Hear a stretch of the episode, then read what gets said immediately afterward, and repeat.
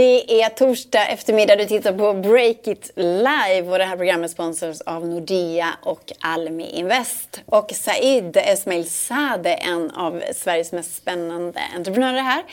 Och eh, inför att du skulle komma hit, Said, du hade ju inte ens tid att försnacka med mig, så att jag fick försnacka med din kollega Annika.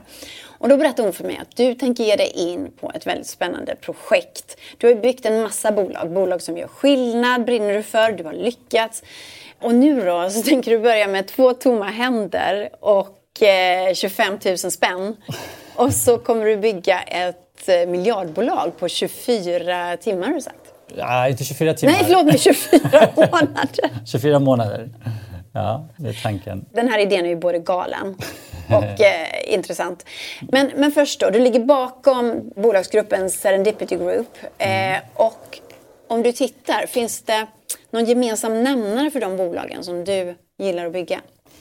Alltså, Serendipity startade med en barndomsvän till mig, Ashkan, mm. för en, eh, ja, 2004, vad blir det, 16 år sedan. Mm. Någonting. Eh, och eh, vi ville bygga bolag. Jag tror vi båda liksom gillar att bygga. Sen mm. var vi lite olika intresserade av vad vi ville bygga och hur vi ville bygga och så. Men vi, det, var, det, var det som var liksom gemensamt. Vi var nyfikna, vi gillade att bygga. Och eh, det som kanske är gemensamt för alla Serendipity-bolagen är just att det var liksom att satsa på två saker. Bra team och hur man ska driva processerna. Mm. Eh, så att, eh, och det tycker jag att vi lyckats ganska bra med. Mm. Och det är det som jag egentligen är kanske bra på, är att hitta riktigt smarta, drivna, kreativa människor, mm, få ihop dem under samma tak Mm. Måla upp en gemensam vision, låta dem bygga. Men jag tycker också att när man ser bolagen så finns det ju en, en röd tråd i det här att att det är bolag som gör skillnad på riktigt. Diamorf, mm. ett okrossbart glas, det är ju väldigt bra att ha. Mm. Eh, men också knäproteser mm. och en kateder som man kan använda eh, vid eh, hjärnblödningar. hjärnblödning. Ja. Mm. Så att, det, det är ju samtidigt den typen av bolag. Finns ja. det, är det viktigt för dig? Att det gör skillnad på riktigt för människors liv och så? Det är viktigt att göra skillnad på riktigt. Men jag kan inte riktigt hålla med om att de bolagen gör mer skillnad än Ikea. Clubhouse? Ikea eller Clubhouse eller uh, något annat. Alltså jag tycker det är väldigt svårt. Jag menar, Ikea, eh, att, mm. att, som levererar liksom uh, bra funktionella möbler till bra pris. Mm. Alltså det har förändrat många människors liv. Mm. Till att de kan komma hem och känna sig liksom bekvämt, liksom bygga ett bra hem. Mm. Så att jag tycker inte att, och där tycker, där tycker jag att mycket, särskilt om, om vi tittar life science. Life science får ju väldigt mycket spotlight på sig, inte minst nu efter corona. Därför Just att det. liksom, cancermedicin Just det. räddar liv, det är det finaste som finns. Mm. Ja, det, är, alltså det är fint, det är inget fel på det. Men jag tycker det är precis... Eh, men tänk, eh, vad vet jag, iPhone, hur det har förändrat världen. Mm. Och liksom alla digitala plattformar, olika sociala nätverk och så vidare.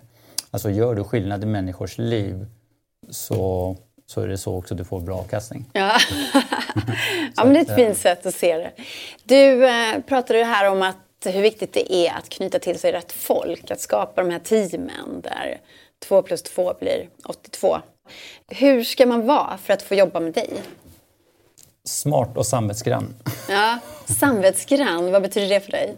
Ja, samvetsgrannhet, eh, att man, eh, man har en moralisk kompass oavsett vad man... Liksom, vi har alla olika, liksom, vad, vad, vi har för bild på vad som är moral och etik. Mm. Så det är väldigt individuellt. Men att man liksom har ändå en... Eh, man är inte en vindflöjel som bara snurrar runt. Va?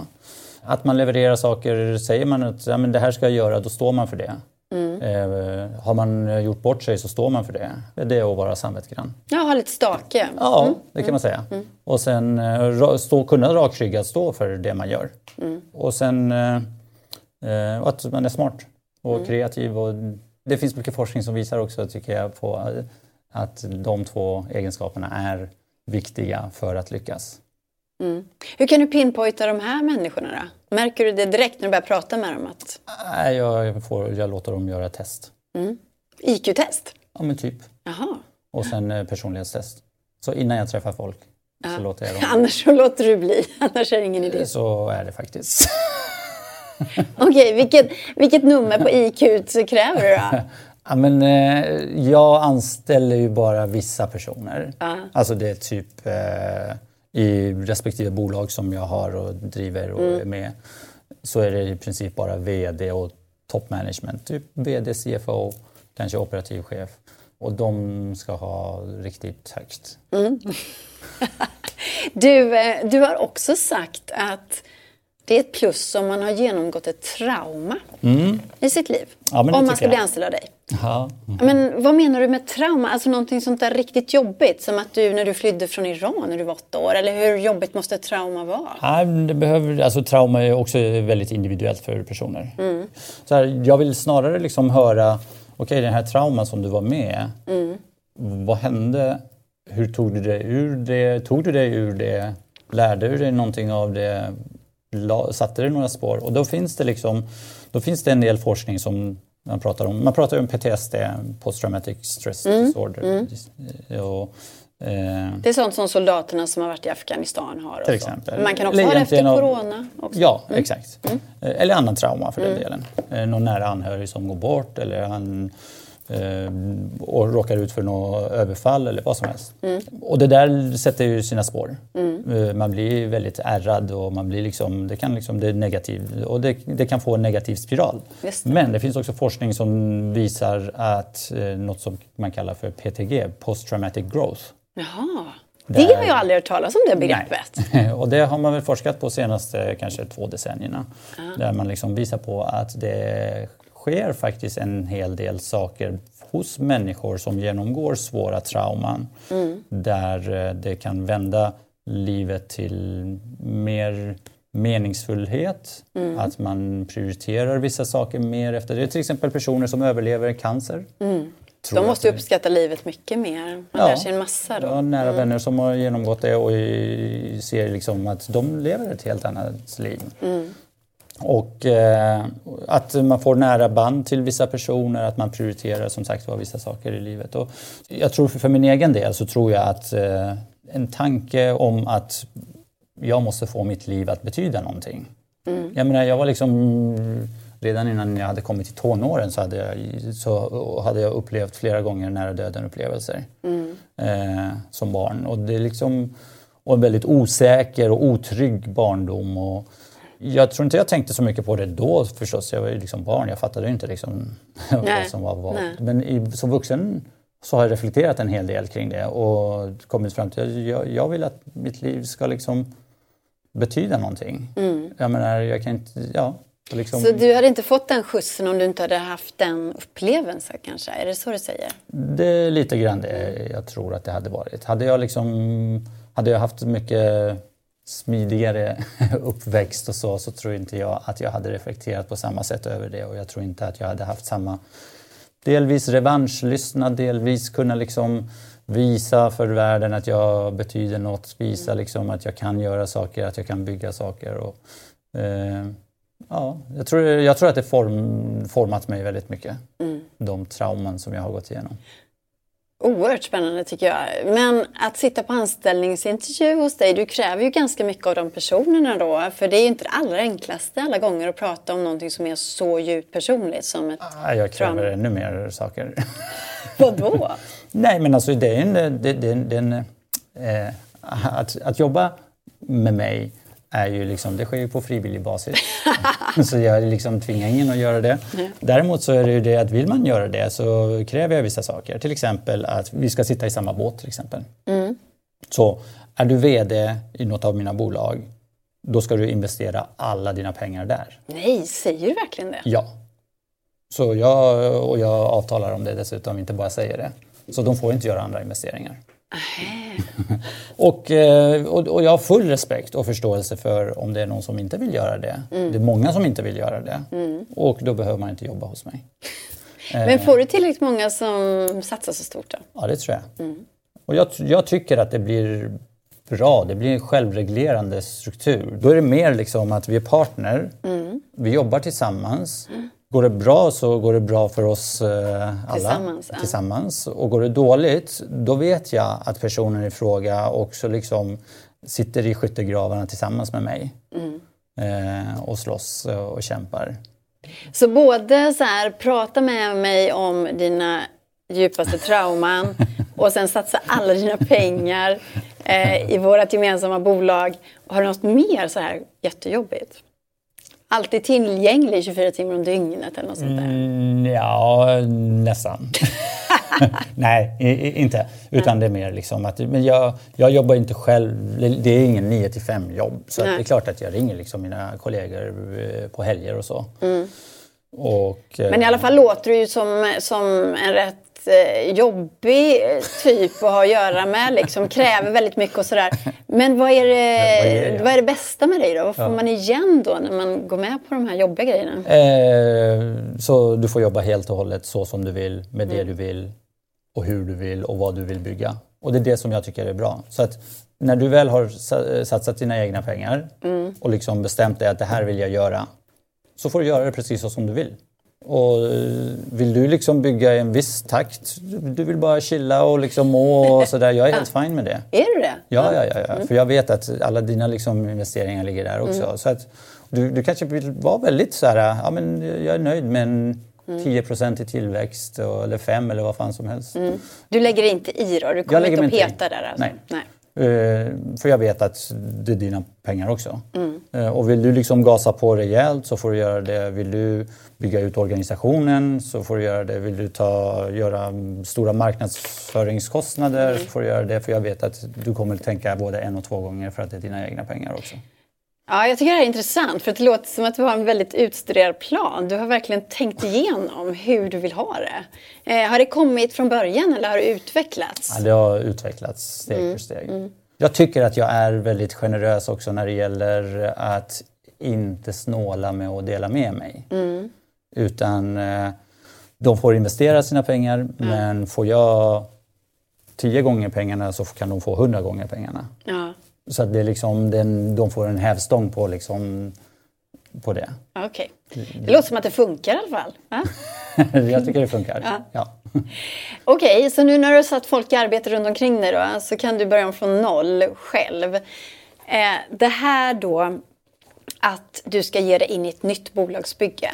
Och du har bestämt dig för att börja med 25 000 på fickan. Och sen ska det vara ett miljardbolag om 24 månader. Eh, berätta från början, alltså, hur fick du den här idén? Var det, var det någon sagt, kväll du eh, satt och, och drack för mycket öl? eller? Nej, nu, nu är det Annika som har skvallrat till er. Men, eh, nej, men, eh, jag tänkte faktiskt på det här förra veckan. Ja, förra veckan? Ja. Jaha, det Så är att så det- nytt liksom. ja. Du har inte eh, marinerat så länge då? Nej, så det var inte meningen att jag skulle gå ut med det utan det här var bara mina egna tankar som jag ventilerade med några kollegor. Eh, Men de får göra som de vill, det har ju du sagt. Bara de satsar sina pengar så får de göra som de vill Precis. och då får de prata med journalister Ja, också. det får de absolut göra. Nej, men, eh, det finns väldigt mycket mm, mystik kring entreprenörskap, bolagsbyggande. Man ska komma på någon jättesmart idé. Man ska... Alltså du vet, eh, jag vill avmystifiera det. Det är systematiskt hårt arbete Ah, och ingenting annat. Ah. Eh, det handlar inte om att ha pengar. Jag skulle vilja säga att det är i den ordningen kunskap, nätverk, kapital och sen liksom så har du ja, men idé och alltså du vet, och det är det jag menar med att jag kan liksom bestämma mig, tror jag, och hoppas jag aldrig gjort det, så det får bli ett experiment så vi får se. Mm, Att ja, men 24 månader så ska jag, och 25 000 kronor det är för att jag ska kunna registrera ett aktiebolag och ha aktiekapitalet till det. Men då måste jag liksom, jag kommer behöva ett team som jobbar med mig. Ja. Och det teamet kommer jag behöva övertyga och övertala om att följa med och jobba utan lön. Oj! För det kommer inte finnas några Nej, det pengar. finns ju inga pengar. Så var ska de få lön ifrån? Jag kommer så småningom behöva ta fram, tillsammans med teamet, en affärsplan för vad det är vi ska göra. Jag kommer behöva gå ut tillsammans med det teamet och liksom eh, sätta igång, kanske börja liksom sälja om det är någon tjänst eller någonting, kanske börja med något eh, ta in lite kapital och det kapitalet, de investerarna, Mm. ska jag övertyga om att de ska stoppa in pengar. Utan Det att här jag kommer bli värsta mediala projektet. Ja, det var Vi kan inte ju- meningen att jag skulle gå ut med Vi det kan nu. ju men- följa dig med det här. Ja, Men vi kan följa och se vad som händer. Så tanken är i alla fall att avmystifiera och visa på att det går att göra det. Bara man gör saker och ting i rätt eh, ordning och fokuserar på rätt saker. Men någon idé finns inte exakt vad bolaget ska göra. Det vill du bygga med det här teamet Ja. då. Så de får komma till dig och prata om sina trauman och de får satsa, de behöver Ja. inte satsa några pengar, de behöver, Nej. jo, de behöver jobba gratis De, ja, exakt. De, de, de, de, de satsar tid och eh, kreativitet och driv. Och, och varför är det viktigt då att avmystifiera det här? Att det är svårt att bygga bolag? Ja, men, eh, jag tycker det finns eh, eh, en tanke om att entreprenörer är risktagare. Jag vet inte om det stämmer. Eh, jag tycker det snarare kanske handlar om att, att kunna förstå skillnaden mellan upplevd risk och reell risk. Eh, du har säkert stått i någon s- simhall eh, och ska hoppa från hopptorn ner i bassängen. Jag är jättemodig. Jag hoppar från tian direkt. Ja, så, men fortfarande, även eh, du kanske, eh, det finns vissa undantag, men, men de allra flesta som står i alla fall där på tian och ska hoppa ner, alltså all instinkt som vi har säger att hoppa inte. Ja. Det är ju så liksom vi, vi är kodade att vi inte ska hoppa från 10 meters höjd. och eh, det gör liksom, det är obehagligt, vi liksom, och många tar trapporna ner. Ja. Eh, Men om vi tänker efter rationellt så vet vi att vi kommer inte dö. Just det. Okej, Det kanske gör ont, det blir magplast, det kan göra riktigt ont, Ja. men du överlever och liksom simmar i kanten och så är det good. Mm. Eh, och det är en upplevd risk. Mm. Det känns nästan som om man kommer att dö, men vi kommer inte dö. Och sen så finns det ju andra situationer där det inte alls känns riskabelt, Mm. men det är väldigt riskabelt. Eh, Så att, eh, och att göra den distinktionen tror jag är väldigt viktig. Mm. Och det tror jag att, jag tror att det är många som vill ta steget ut och göra det här hoppet. Mm. Eh, bygga bolag. Men eh, vågar inte göra det för att det finns liksom en massa mystik kring liksom, ja men jag måste ha en superidé, jag måste göra det ena och det andra. Så är det inte. Jag tror man kan lära sig hur man ska bygga det och man kan göra det systematiskt. Så du vill alltså inspirera människor också då genom det här experimentet kan man säga? Alltså, tänk, tänk att du får, skulle du få 15 personer att starta bolag efter de har sett dig göra det? Mm. Ja. Skulle det vara en vinst för dig menar du? Eh, ja, jag vill, jag vill först och främst eh, visa det för mig själv. Ja. Det, det är faktiskt oftast det viktigaste för mig. Att jag, vill, jag, jag gillar att knäcka koder, lösa problem. Och när jag väl har gjort det, då känner jag liksom en... Eh, jag får en euforisk känsla av det. Jag får liksom att fan, det här var coolt. Eh, Men, men räknar du inte Serendipity Group då som ett miljardbygge? Som du faktiskt... Eh. Jo, eh, men det tog ju många år. Ja, nu ska det ta, två år då. Det tog många år och många liksom återvändsgränder som man fick gå fram och tillbaka och liksom testa sig fram. Nu tror jag mig veta hur jag kan liksom gå därifrån dit i alla fall. Nu ska du bara snabba upp farten då. Takten ska upp ordentligt. Ja, göra det på ett väldigt eh, disciplinerat och strukturerat sätt.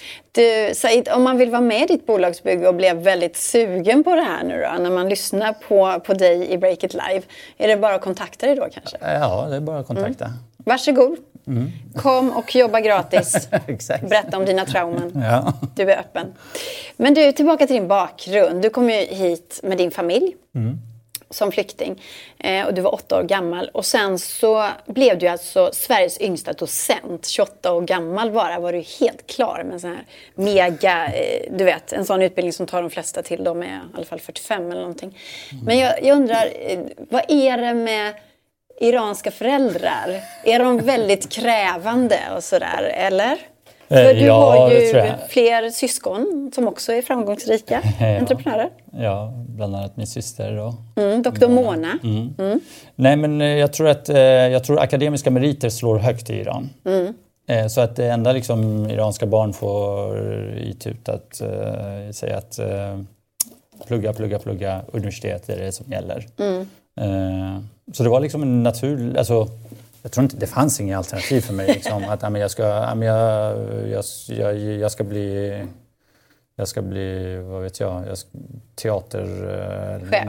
Det duger ja, men, inte? Nej, nej, det är liksom... Jag läste på Twitter med en iransk kille som hade skrivit så här. Här kommer jag hem och visar ett antagningsbesked till juristprogrammet och då säger föräldrarna Va? Varför har du inte blivit läkare istället? Ja, men det är så. Jurister äh, står inte jättehögt. Nej. Faktiskt inte ekonomer heller. Jag skulle vilja säga ingenjörer och läkare. Det, är liksom, det, det slår högst i Iran. Mm. Mm, vet faktiskt inte riktigt. Så det fick du med dig i alla fall. Ja. Eh, men berätta lite mer om din syster Dr. Mona som alla känner till som är en kändisentreprenör. Eh, mm. Vad har du för relation till din syster? Eh, jag skulle vilja säga att vi har en väldigt nära relation. Mm. Eh, vi har ju, och det tror jag också kommer av att vi har gått igenom väldigt mycket liksom, tillsammans. Är du storebror eller lillebror? Jag är storebror men jag känner mig många gånger som eh, lillebror. Hon är mycket mer mogen än vad jag är. Jag har inte riktigt mognat i vissa aspekter. Nej. Men, eh, eh, nej, men vi har ju liksom gått igenom mycket saker tillsammans vilket gjort att vi har liksom blivit väldigt nära sammansvetsade. Mm. Eh, Hur ofta pratar ni med varandra? ofta. Mm. inte varje dag men varannan kanske. Mm. Eh, och sen, eh, sen är inte jag, jag, är, jag är oftast inte så lång i mina telefonsamtal så att, men det är ändå nej. korta. Eh, och vi skriver till varandra och så. Men, eh, nej, men hon, är väldigt, hon har ju varit väldigt duktig och framgångsrik och hon är eh, smartare och snyggare version av jag. Mm. Um, Men nu ska ni slå era påsar ihop? Ja, jag har haft en tanke sedan några år tillbaka om att jag vill bygga en familjebolag. Jag vill liksom family office eh, mm. verksamhet. Jag vill, ja, bygger för familjen, mm. av familjen till familjen. Eh, och eh, och nu håller vi på och tittar och göra verklighet av det. Ja. Eh, Men vad ska ni göra något tillsammans också eller ska ni bara ha, sitta bredvid varandra? Nej, tanken är att vi ska göra saker tillsammans. Ja. Vi har ju jobbat tillsammans en gång i tiden. Vi jobbade med människorättsfrågor för länge sedan mm. till exempel. Så, eh, och eh, träffade politiker, riksdagsledamöter och så. Eh, och även i USA. Eh, och pratade med dem om vad som händer i Iran och varför man ska liksom, eh, varför det inte ser så ljust ut mm. och så. Eh, så att vi har jobbat ihop eh, tidigare mm. Och, och det är kul att jobba tillsammans tycker jag. jag. jag. uppskattar mycket när jag jobbar med henne. Men många skulle ju sky det här med att liksom jobba med familjen. Jag vet familjeföretag är ju väldigt vanligt men också Alltså det blir extra så känsligt. Ja, och det, det, det, är inte helt utan att det liksom ändå blir lite tjafs. Nej, men ni får ju se till att ni inte blir ovänner nu. Nej, men det tror jag inte. Nej. Nej, men det tror jag absolut inte. Utan, ja. Eh, men, eh, men Mona är med på dina planer i alla fall? Hon vill köra ja. familjeföretag med dig? Ja, ja, så att eh, vi håller på att titta exakt hur och när. Och, mm. så, hur kompletterar ni varandra då? Hur kompletterar ni varandra? Oj. Eh, jag tror vi är båda ganska extroverta. Mm. Men hon är mycket mer social än vad jag är. Mm. Jag är... Jag, du är lite ingenjör sådär? Liksom. Ja, och jag sitter ganska tyst. Eh, mm. I ett nytt, nya människor, om jag träffar nya människor så sitter jag liksom tyst och lyssnar in. Men hon kan vara liksom direkt på och mm. eh, bondar väldigt snabbt med olika personer. Mm. Och, tror jag. Så att, och sen Eh. Det ska bli kul att se vad ni ska hitta på ni två tillsammans då. Mm, mm. Och jag tror att eh, jag tror hon är också bättre på att ta vissa svåra beslut. Mm. Verkligen. Ja. Men, eh, alltså, vi måste släppa in eh, tittarna snart med frågor. Ja. Alltså, vill du ställa en fråga till Said så gör det nu. Passa på nu. Eh, om en liten stund så ska han få svara på alla frågor. Du kan göra det på Breakits Instagram eller på vår sajt. Gå in och gör det nu. Ett, ett bolag som jag vill prata om som du driver det är Botello. Mm. Eh, som eh, ett företag som vill att villaägare ska hyra ut en bit av sin tomt och så sätter man ett attfallshus där. Och, och sen delar man på intäkterna. Mm. Eh, och eh, det där är ju som att en tomt då kan ge mer boende till folk än, än den gör idag. Vad, vad, tycker du om, eh, om bostadsmarknaden idag? Eh, ja, Nu bor ju vi i Stockholm då som, eh, som har liksom landets högsta priser och så vidare. Mm. Och där det alltid är svårt att hitta någonstans att bo. Jag tycker att det är en... eh, Jag tycker att Sverige har en alldeles för eh, rigid bostadsstruktur, bostadspolitik. Varför ska man behöva köpa sin bostad för att få det hem man vill ha? Vad ska man göra istället då menar du? Förlåt? Hyra den då eller? Ja. Jag menar, eh, jag var i New York ett halvår. Det var, alltså jag kunde liksom på, på en vecka liksom, hittade jag liksom bostad och hyra.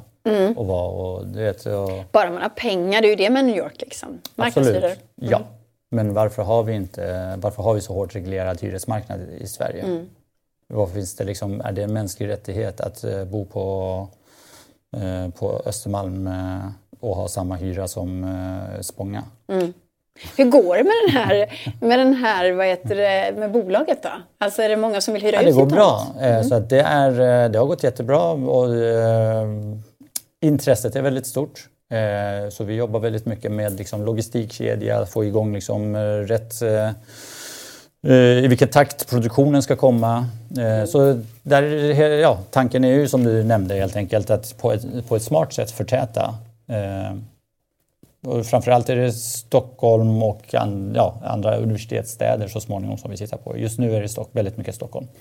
Men så småningom andra universitetsstäder. Så det, det är ett bra sätt att förtäta tycker jag.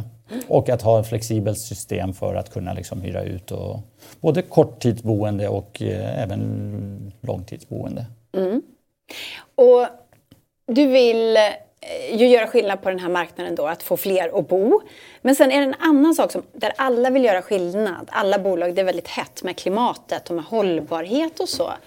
Hur engagerad är du i, i den frågan med dina bolag? Mm. Jag tycker att det är mer en politisk fråga. Och, Hur menar du då? eh, Ja, men eh, på samma sätt som vi har reglerat att, eh, jag menar, så är det, att när, så fort vi människor gör någonting så lämnar vi, vi, vi skapar någonting bra, Mm. förhoppningsvis. Så säg att eh, du har kläder som du har, eh, det är bra. De är, kan ha- hållbar, de är jättehållbara. Ja. Liksom. Men mm, för att liksom kunna, ja, det färgämnen som man använder och de andra grejer man använder, textilindustrin är ju en industri med väldigt mycket kemikalier. Ja. Och då har vi reglerat det och sagt att okej, om du släpper ut kemikalier, alltså använder du kemikalier så måste du ta hand om det.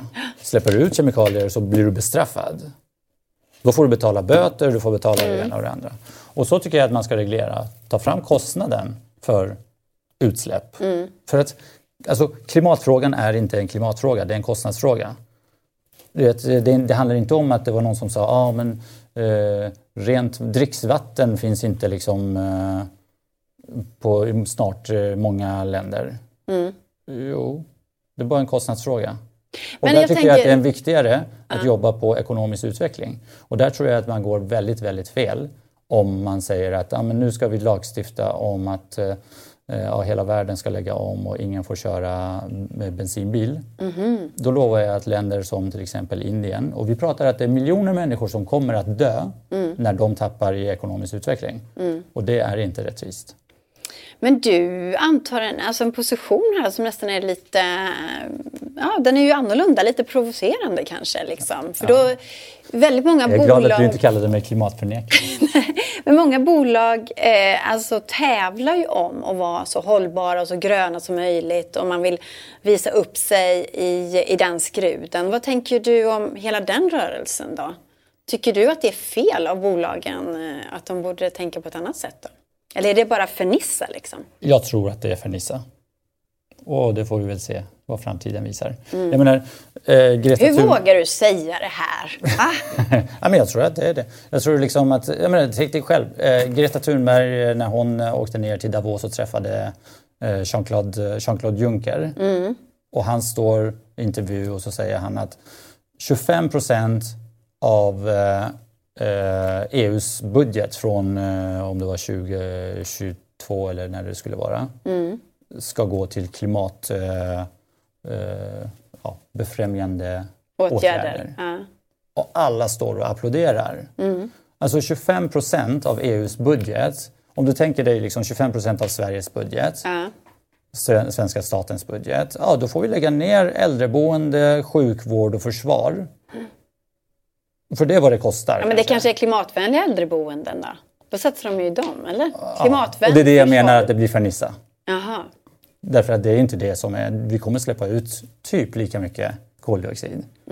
Det är inte så att helt plötsligt att eh, eh, förs- det är inte så att försvaret kommer liksom eh, släppa eh, bråkdelen så mycket koldioxid. Och det är inte... Och det, det, alltså, det finns vissa grejer som inte... Tänk hur världen har utvecklats. Mycket tack vare fossila bränslen. Du är ju helt fantastiskt rolig just nu faktiskt. Vad säger dina eh, entreprenörskompisar och investerare och sånt när du kör det här tugget liksom? Nej, jag tycker man ska vara rationell i de beslut man tar. Alltså när det är liksom, alltså totalt idiotiska beslut som att det är 7 kronor skatt eller vad det nu 4 kronor skatt för plastpåsar. Är det verkligen det som gör klimatet bättre? Men när du säger så här, tänk bara hur mycket gott de fossila bränslebilarna har gjort till exempel. Ja, jag vet inte. Hur åkte du till jobbet idag? Jag tog en taxi. Jag vet inte om den var eldriven, hybrid kanske. Mm, och du tror inte att eh, produktionen av själva bilen, asfalten som ligger... Du tror allt det där hade funkat om Du kallar varit... mig för Nissa. Ja, Ja, men jag tror en- att det är väldigt mycket... En livsstil liksom- som är för Nissa liksom. Ja, jag tror folk känner sig bra. Liksom, så här. Mm. Ja, men jag, jag åker med en elbil och då känner man sig liksom nöjd. Men det är inte det liksom, det handlar om. Det, eh, absolut, gör det. Det, det. det är väl lite individuella val och det är det jag menar, att det är inte det det kan koka ner till. Utan i så fall så får man sätta sig och räkna och säga liksom att okej, det här är en reell kostnad. Att vi eh, producerar Alltså, att, att, att den, den, den fabrik som producerar din tröja och använder Mm. färgen gul, Ja. Eh, att de släpper ut det kommer ju ut till grannens tomt. Mm. Och det är grannen som tar skada av det. Medan fabriksägaren skulle bli rik av det. Därför har vi reglerat och sagt att nej, nej, nej, du får ta hand om den Mm. Så färgen. allt sånt här ska skötas på den här höga nivån då med regleringar. Och Jag så ska vi konsumenter, de valen vi gör, de kommer ändå vara miljövänliga då. För att allt är reglerat ovanpå. Det är ju så vi har gjort hittills. Mm. Och det har funkat. Eh, så att, eh, och där tycker jag liksom problemet med koldioxid är ju att eh, det är inte, du kan inte begränsa det nationellt. Mm. Utan det vi släpper ut här påverkar dansken och ryssen och Mm. fransmannen. Så, att, eh, så då måste man komma överens om hur vi ska göra och hur vi ska reglera det. Mm. Om vi vill reglera det. Och jag vet inte riktigt vad det vi vill och vad människor vill. Men är miljön viktig för dig? Ja, det är klart att det är viktigt för mig. Men jag tycker att man måste ta en rationell ståndpunkt i det. Vi, kan, vi, vi kan inte leva i en drömvärld. Alltså du är ju eh, spännande att prata med. Men vi måste gå till eh, tittarfrågorna nu. Ska vi göra det? Ja. Eh, vi tar dem i den ordning vi kommer. Jag vet att jag måste släppa dig om en liten stund här. Men vi, vi bränner av de här. Mikael undrar, varför skrev eh, du en bok om ditt liv? Eh, ja, jag skrev inte en bok om mitt liv. Utan eh, det var min, eh, min partner Ashkan, eh, hans fru, eh, som ville skriva en bok. Och jag tyckte att det var... väl- Du var med på boken i alla fall. Jag var med på boken. Så att, nej, men hon var intresserad, Emma, hon var intresserad. Hon ville skriva en bok. Hon har ju följt vår resa. Ja. Eh, Ja, det är ju en jättebra story. så att hon har liksom... Vilken ja, författare har- som helst skulle vara intresserad. Hon har ju, och hon har följt det på nära håll så att hon hade liksom eh, en bra position att skriva eh, om det. Eh, nej, och jag tycker det blev en bra bok så eh, det var inte så mycket mer med det egentligen. Och hon fick trycka det. David undrar, eh, vad är tre saker som du skulle ändra i det svenska skolsystemet om du fick bestämma? Oj, jag kan alldeles för lite om svenska skolsystemet. Har du inga barn i skolan? Nej, jag har inga barn. Men jag kan bara reflektera lite grann. Liksom, när jag själv gick i skolan, vilket var väldigt länge sedan, eh, så tycker jag att man, har liksom, man, man lägger väldigt mycket, inte bara i skolan men många ställen i samhället, så, så lägger man nivån på, på de som ligger liksom eh, längst ner om man säger så. Eh, så att eh, istället för att premiera eh, ja, de, de som är elever bäst som är bäst Ja. så, så tvingar man ner alla liksom till, en låg, till de som är sämst om man säger så. Och det tycker jag är lite, Är det annorlunda i. Iran tror du? ja, det är mycket annorlunda. Mm. Så att där är det verkligen liksom premiera de som får bäst betyg och de som får bäst liksom, Eh, och jag förstår liksom var den liksom, eh, jante-inställningen kommer ifrån och det finns, eh, det finns både bra och dåliga saker med det. Men mm. sen, sen vet jag inte riktigt varför. Alltså, någonstans måste man få till att det är eh, alltså bra lärare. Det är det liksom som skolan blir bra av. Mm. Eh, och läraryrket är ingen högstatuslärare och jag vet inte riktigt hur man ska få det att bli högstatuslärare eller högstatusyrke. Eh, Men är det det i andra länder på ett annat sätt menar du? I USA är det ju inte heller så högstatus att vara lärare. Inte på grundskolan liksom. Jag vet faktiskt inte. Men eh, ja. Mm. Men mer status till läraren i alla fall. Mm. Eh, och så har vi eh, Jonathan som undrar, skulle du investera i eh, ett produktorienterat e-handelsföretag? Eh, ja, eh, om det är rätt. Så här, det skulle jag göra, men då skulle jag göra det med andra investerare troligen som kan det. Mm. Och det har jag gjort. Mm. Eh, bland annat ett bolag som heter Denjo eh, som säljer eh, accessoarer till hundar Jaha. Ehm, på nätet. Ehm, men Den då gör jag det med Backing Mind så de är väldigt duktiga tycker jag på e-handel. Mm. Jag kan inte e-handel. Och då tar jag rygg egentligen på andra investerare. Mm, okay. eh, Dina undrar, vad är relationen till Ashkan Poja? Är den bara professionell idag eller är den privat? Ja, det är både och. Jag och Ashkan vi har känt varandra hela livet. Mm. Eh, så och sen jobbat ihop eh, eh, väldigt många år. Mm. Nästan börjar närma sig 20 år tror jag. Eh, nu jobbar vi inte lika mycket ihop mm. eh, utan Ashkan driver en fond, eh, Systematic Growth. Och jag gör mycket ja, egna investeringar och bygger egna bolag. Eh, sen har vi en del bolag som vi äger och driver gemensamt. Mm. Varför tog det slut mellan er då? Varför skildes ni åt? Ja, men jag tror att det var, vi var kanske lite olika. Eh, i, vi var nog intresserade av att göra lite olika saker. Mm. Och det märktes först efter 20 år? Då? då... Nej, utan det, jag tror det var en naturlig, eh, naturlig timing mm. om man säger så. Mm. Eh, men ni är vänner fortfarande? Ja, ja, ja, vi är mm. goda vänner. Så jag skulle vilja säga att idag är det mer privat än professionellt. Okej. Okay. Mm. eh, Lina undrar, vad har du för relation till Husby idag? För visst växte du upp där? Ja, jag växte upp i Husby. Mm. Eh, jag har släktingar som bor kvar, pappa bor kvar i området. Eh, jag är där hyfsat ofta och hälsar på. Nu under coronaåret har det varit eh, mer sällan. Mm. Pappa har varit då isolerad. Ja, men, det. men ja, det är väl den kopplingen jag har. Mm. Så du är där ibland? Jag är där ibland. Mm. Jag har varit och föreläst eh, både skola eh, och i vad heter det, Fryshuset och lite sådana. Liksom, mm. Känner du igen det Husby där du växte upp då? Nej, jag tycker det har förändrats väldigt mycket. Hur då? Eh, jag tycker att eh, jag tycker det har förändrats till eh, det sämre. Mm. Eh, och jag tycker, jag menar, för några år sedan till exempel så vet jag det, det fanns en så här livs, eh, livsmedelsbutik som sålde mycket så här, du vet, frukt och mm. eh, exotiska grejer från Mellanöstern mm. och så.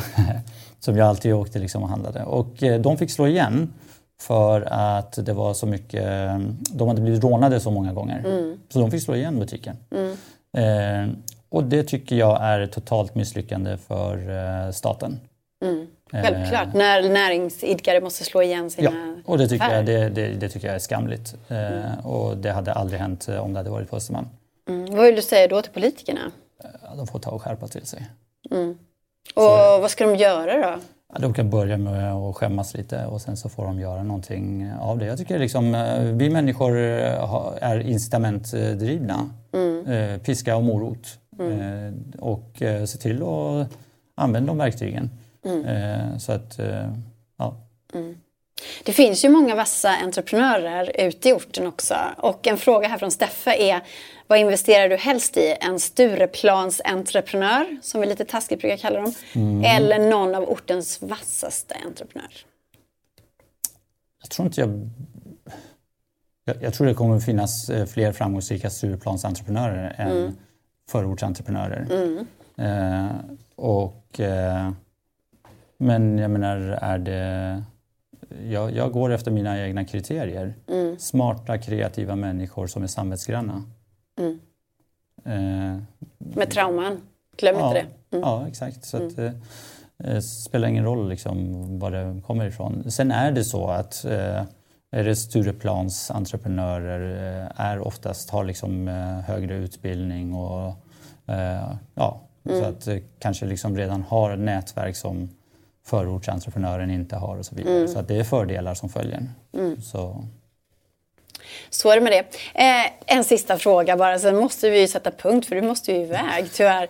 Det är KMT Dalton som undrar, vad kör du för bil eller bilar? Nej, jag, har, eh, jag kör inte. Jag har i princip ingen bil i Fossilbil? Jaha, ja, det är en Jeep Wrangler. Så det är fossilbil. Det är diesel. ja.